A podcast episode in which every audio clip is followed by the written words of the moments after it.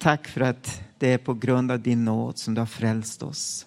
Och att det är på grund av din nåd som vi kan komma till dig var, varje dag, Herre. Tackar dig för att vi har en ny och en öppen väg in till din tron, in till nådens tron idag, Herre. Jag vet, Herre, inte vad alla här som har kommit, Herre, vad de går igenom, Herre. Men jag ber dig, Herre, att du, att din nåd, den räcker, Herre.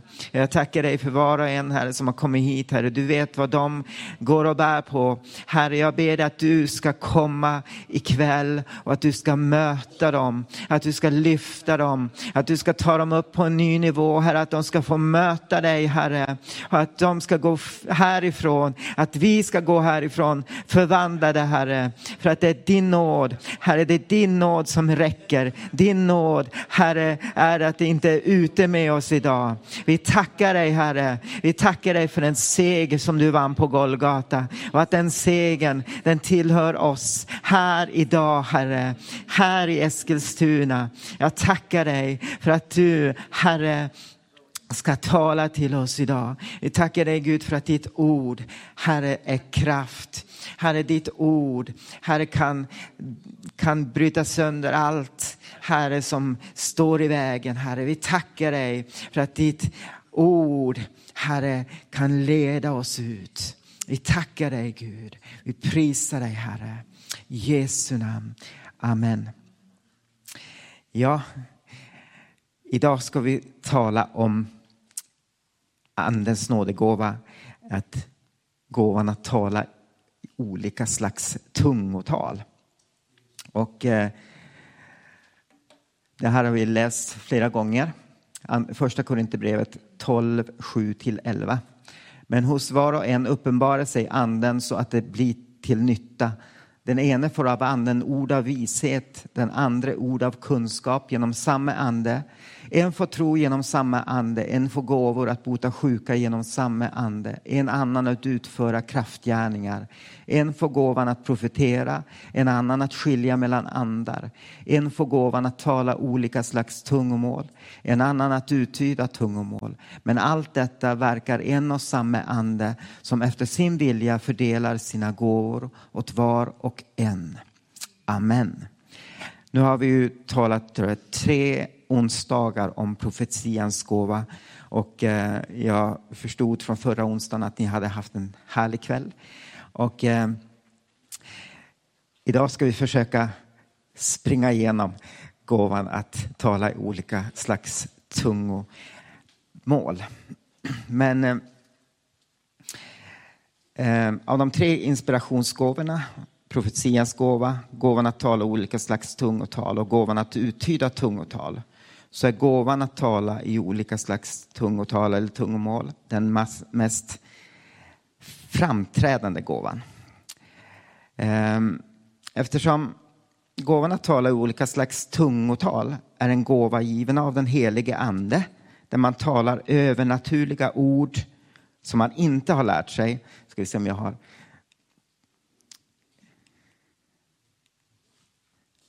Ska vi se tala i olika slags tungotal, den mest framträdande gåvan. Och det är ett övernaturligt tecken, ett övernaturlig, en övernaturlig gåva som ingenting har att göra med vårt intellekt.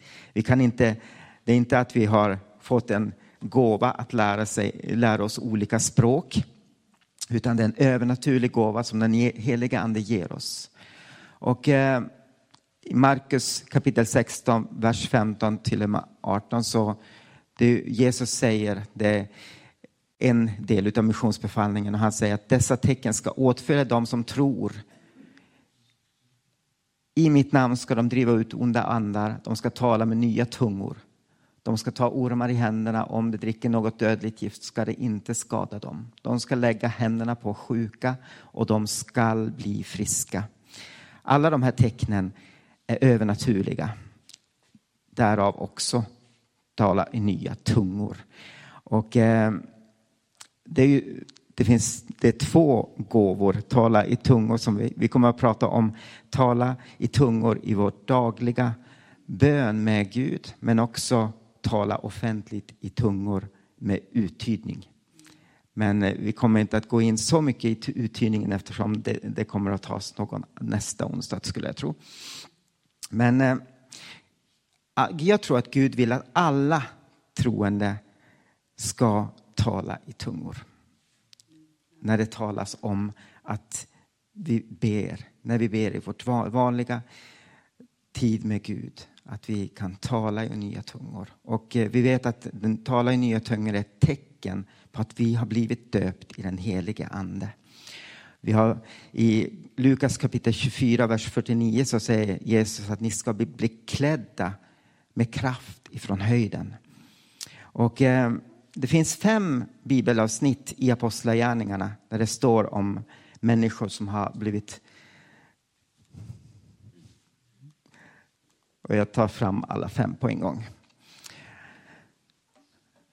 Första gången vi, vi ser, vi möter när de blir döpta i den heliga ande är ju Apostlagärningarna kapitel 2 när de 120 lärjungarna väntar på att bli beklädda med kraft ifrån höjden. Och så vet vi att den heliga ande kommer över dem och det är tungor som av eld över var och en av dem och de börjar tala främmande språk som anden ingav dem att tala. Och vi vet att, att människor som var där på pingstdagen hörde dem tala och prisa Gud på deras språk. Sen det andra är människorna i Samarien. Filippus hade varit och predikat i Samarien. Människor hade blivit frälsta, människor hade blivit helade. Men ingen av dem hade blivit döpt i den helige ande. Men när apostlarna kom dit och la händerna på dem så blev de döpta i den helige ande och började tala i nya tungomål och prisa Herren. Tredje gången vi möter det i Apostlagärningarna kapitel 9 med Saulus som mötte Jesus på Damaskusvägen. Och sen blir Ananias sänd till honom. Och eh, det är underförstått. Det står inte att, att Saulus börjar tala i nya tungor. Men det är underförstått att han gör det. För senare i första Korinthierbrevet kapitel 14 står det att Paulus talade i tungor mer än alla andra. Och i det fjärde exemplet är Cornelius och hans hushåll i Apostlagärningarna kapitel 10. När de tog emot det som Petrus talade och så står det att de blev döpta i den heliga ande och började profetera. Och det femte är när Paulus kommer till Efesus och eh, han möter några lärjungar där som har bara blivit döpta med Johannes dop. Och han talar om Jesus och att de behöver bli döpta i Jesu namn. Och han döper dem och det står att de blir fyllda av den heliga ande och börjar tala i tungor och prisa Gud. Så det är de här fem gångerna och tre av dem, tre av de här exemplen där står det att de blev började tala i nya tungor och profetera. Två andra är underförstått att de började tala i tungor. Syftet med att tala i tungomål. Först är det ett tecken på att man har blivit döpt i den heliga ande. Och eh, pratade med en här innan som sa, men måste alla tala i tungor? Jag tror att det finns inga måsten, men det är en gåva och det är en välsignelse att, bli, att få tala i nya tungomål, att tala hemligheter med Gud och eh, att styrka sig själv i bönen. Så att jag tror att det är för alla troende att få dopet i den heliga ande och tala i nya tungor. I första Korinthierbrevet kapitel 14 och vers 2. Ni kan läsa de här när ni kommer hem. För att jag vill hinna ta, igen, ta oss igenom den här gåvan. Men det står att vi talar hemligheter med Gud. Att vi förstår inte det vi säger, men vi talar i anden hemligheter med Gud. Och eh, ibland när man talar i tungor så man vet egentligen inte vad man säger, men man, man blir styrkt. Och eh, i Apostlagärningarna kapitel 10 då, när det handlar om Cornelius och hans hushåll som blir döpt i den helige ande. Då står det att de prisar Gud.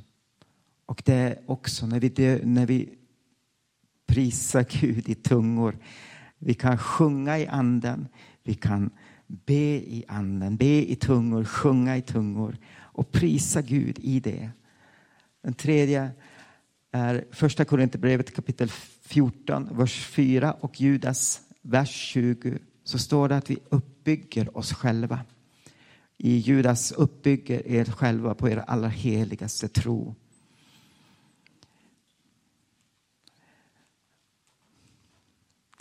Vad betyder det att be i den helige ande?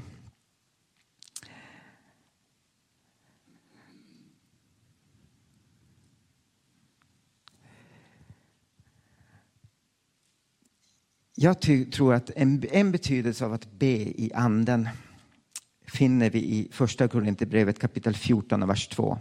Det står så här, den som talar tungomål talar inte till människor utan till Gud. Ingen förstår honom när han talar, men när han i sin ande talar hemligheter. Så att be i den heliga ande kan betyda och det kan också betyda att vi i vårt förstånd självklart talar med Gud. Det, det är också att be i, den, i anden. Men att när vi talar i tungor, när vi ber till Gud i tungor så talar vi hemligheter med Gud. Och eh, först, så att be i anden innebär inte endast att be i tungor utan självklart kan du även be i anden med förståndet och det är ju självklart. När vi ber i tungor, ofta så, många gånger när vi ber så vet vi inte vad vi ska be. Vi, vi känner inte, vi kanske inte vet vad är Guds vilja just i den här situationen. Då tror jag att det är viktigt för oss att vi ber i tungor. Och eh, i Romarbrevet 8 och 26 så står det att så hjälper också anden oss i vår svaghet. Ty vi vet inte vad vi bör be om, men anden själv ber för oss med suckar utan ord. Så att när vi ber i anden gör han det möjligt för oss att i vår ande be till Gud och ha gemenskap med Herren. Men också att be allt eftersom anden, för att anden känner ju det som ligger på Guds hjärta. Så att när vi ber i tungor så ber vi Guds vilja över vårt liv, kanske över någon annans liv. När vi inte vet vad vi ska be för.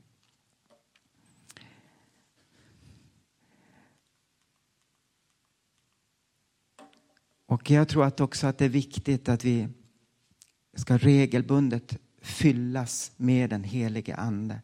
Fesebrevet kapitel 15 kapitel 5, vers 9, 19-21 så står det Paulus säger så att ni talar till varandra med salmer, hymner och andliga sånger och sjunger och spelar för Herren i era hjärtan. Tacka alltid vår Gud och Fader för allt i vår Herres Jesu Kristi namn. Underordna er varandra i Kristi fruktan. Och eh, det står också att vi ska regelbundet, att vi ska bli uppfyllda med anden i vers 18 i Efesierbrevet kapitel 5. Att vi ska, och i engelskan så, eller på grekiskan så, så kan man säga att det är be, be filled. Jag vet inte hur man ska översätta det på svenska. Men alltså att regelbundet fyllas. Varje dag fyllas med anden. Och eh, det som kännetecknar en andefylld människa och ett andefyllt alltså ett liv. Det är att vi har en sång i våra hjärtan, vi har tacksamhet till Gud och vi har en ödmjuk attityd. Hoppas att ni följer med.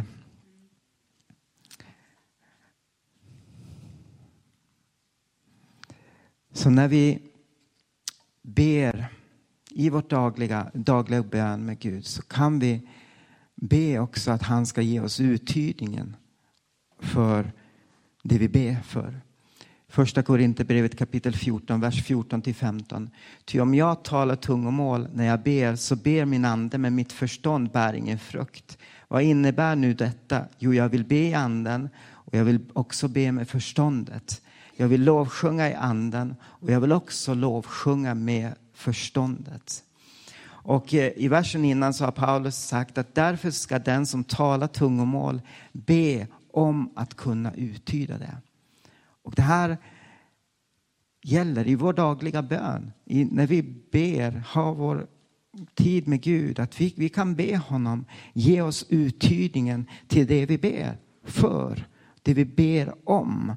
Och, eh, så det är, gäller inte bara att den är uthyrningens gåva i församlingen offentligt, utan också i vår dagliga bön. Att han kan ge oss uthyrning på det vi ber för. Ibland så i vårt tungomål, vi kan ju ha samma, samma ord när vi ber i tungor.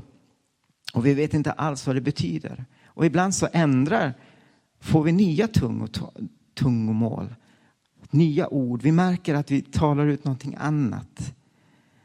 Be att Gud ska ge dig uttydningen så att du får en förståelse vad du ber för. Ibland så förstår vi lite grann ungefär vad vi ber om, ber för.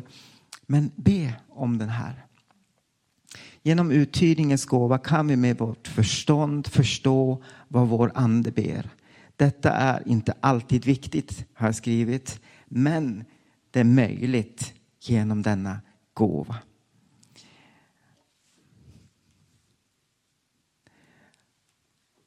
Och det här har vi redan sagt att tala i tungor är viktigt för vårt eget böneliv. Paulus säger att jag tackar min Gud, jag talar tungomål mer än ni alla. Så att tala i tungor är först och främst en gåva för att användas i ditt personliga böneliv, för att tillbe och prisa Gud, för att tala hemligheter med honom och bygga upp dig själv. Och när vi är trofast och talar regelbundet och mycket i tungor i vårt personliga böneliv tillåter det oss att bli känslig för den helige Ande om han skulle vilja använda oss att tala i tungor och uttydningen i församlingen till dess uppbyggelse. Och det tror jag är väldigt viktigt. Om vi talar i tungor mycket hemma eller när vi går ute på, vi kan tala tyst i tungor. När vi är ute och går på, på gatan så kan vi tala tyst i tungor. Vi lär oss att lyssna till den helige Ande och bli känsliga för vad han vill säga. Gåvan att tala i olika tungomål i församlingen. Första Korinthierbrevet 14, 27-28. Om någon talar tungomål får två eller högst tre tala och då en i sänder och någon ska uttyda det. Men finns det ingen som uttyder skall den som talar tungomål tiga i församlingen och endast tala för sig själv och till Gud. Församlingen byggs upp när både tungotalet och uttydningen finns i församlingen. Om jag skulle stå här och, och tala i tungor så skulle ingen förstå och ingen bli uppbyggd. Men om någon skulle få i vår bön, skulle någon få ett profetiskt tal genom tungor och någon skulle uttyda det, så skulle det uppbygga oss. Men med Paulus säger också vidare att ja, det läser vi nyss eh, jag tackar min Gud, jag talar tungomål mer än ni alla. Men i församlingen vill jag hellre tala fem ord med mitt förstånd för att undervisa andra än tiotusen i tungomål. Så att här, tungotalet är inte en undervisande gåva. Utan tungotalet är bra när det kommer uttydning, om det sker offentligt. När vi ber i tungor hemma så kan det ske utan uttydning. Men med andra ord sa Paulus, församlingen ska bli, skulle bli mer uppbyggd av de här fem orden som sägs på deras eget språk än tusen ord på tungomål. Varje troende kan be att få den här gåvan. Att tala i olika tungomål och uttyda. Och, eh, men och sök I första Korinthierbrevet 14 så står det sök att vinna nådegåvorna. Speciellt profetians gåva. Sök. Jag tror att den, den här gåvan är väldigt viktig för oss. Både i vårt dagliga liv men också i offentligt, i vår församling. Att tala i olika tungomål men sedan också uttyda. Och eh, jag tror jag har gått igenom det jag ville säga. Och eh, väldigt viktig, väldigt viktig gåva. Speciellt i vårt dagliga böneliv. Använd, tala i tungor mycket. Paulus sa att han talar i tungomål mer än alla andra.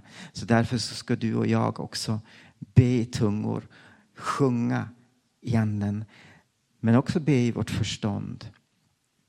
Ofta, ofta också när vi ber i tungor hemma så ger Gud oss en förståelse om vad vi ska be om, vad vi ska be, hur vi ska be i vårt förstånd också. Så att be, om du inte har fått den här gåvan, om du inte har fått tungotalets gåva, så vill Gud ge dig den. Här ikväll kan han ge dig den. Så jag ska ge över mikrofonen till Marita och eh, så ska vi gå vidare.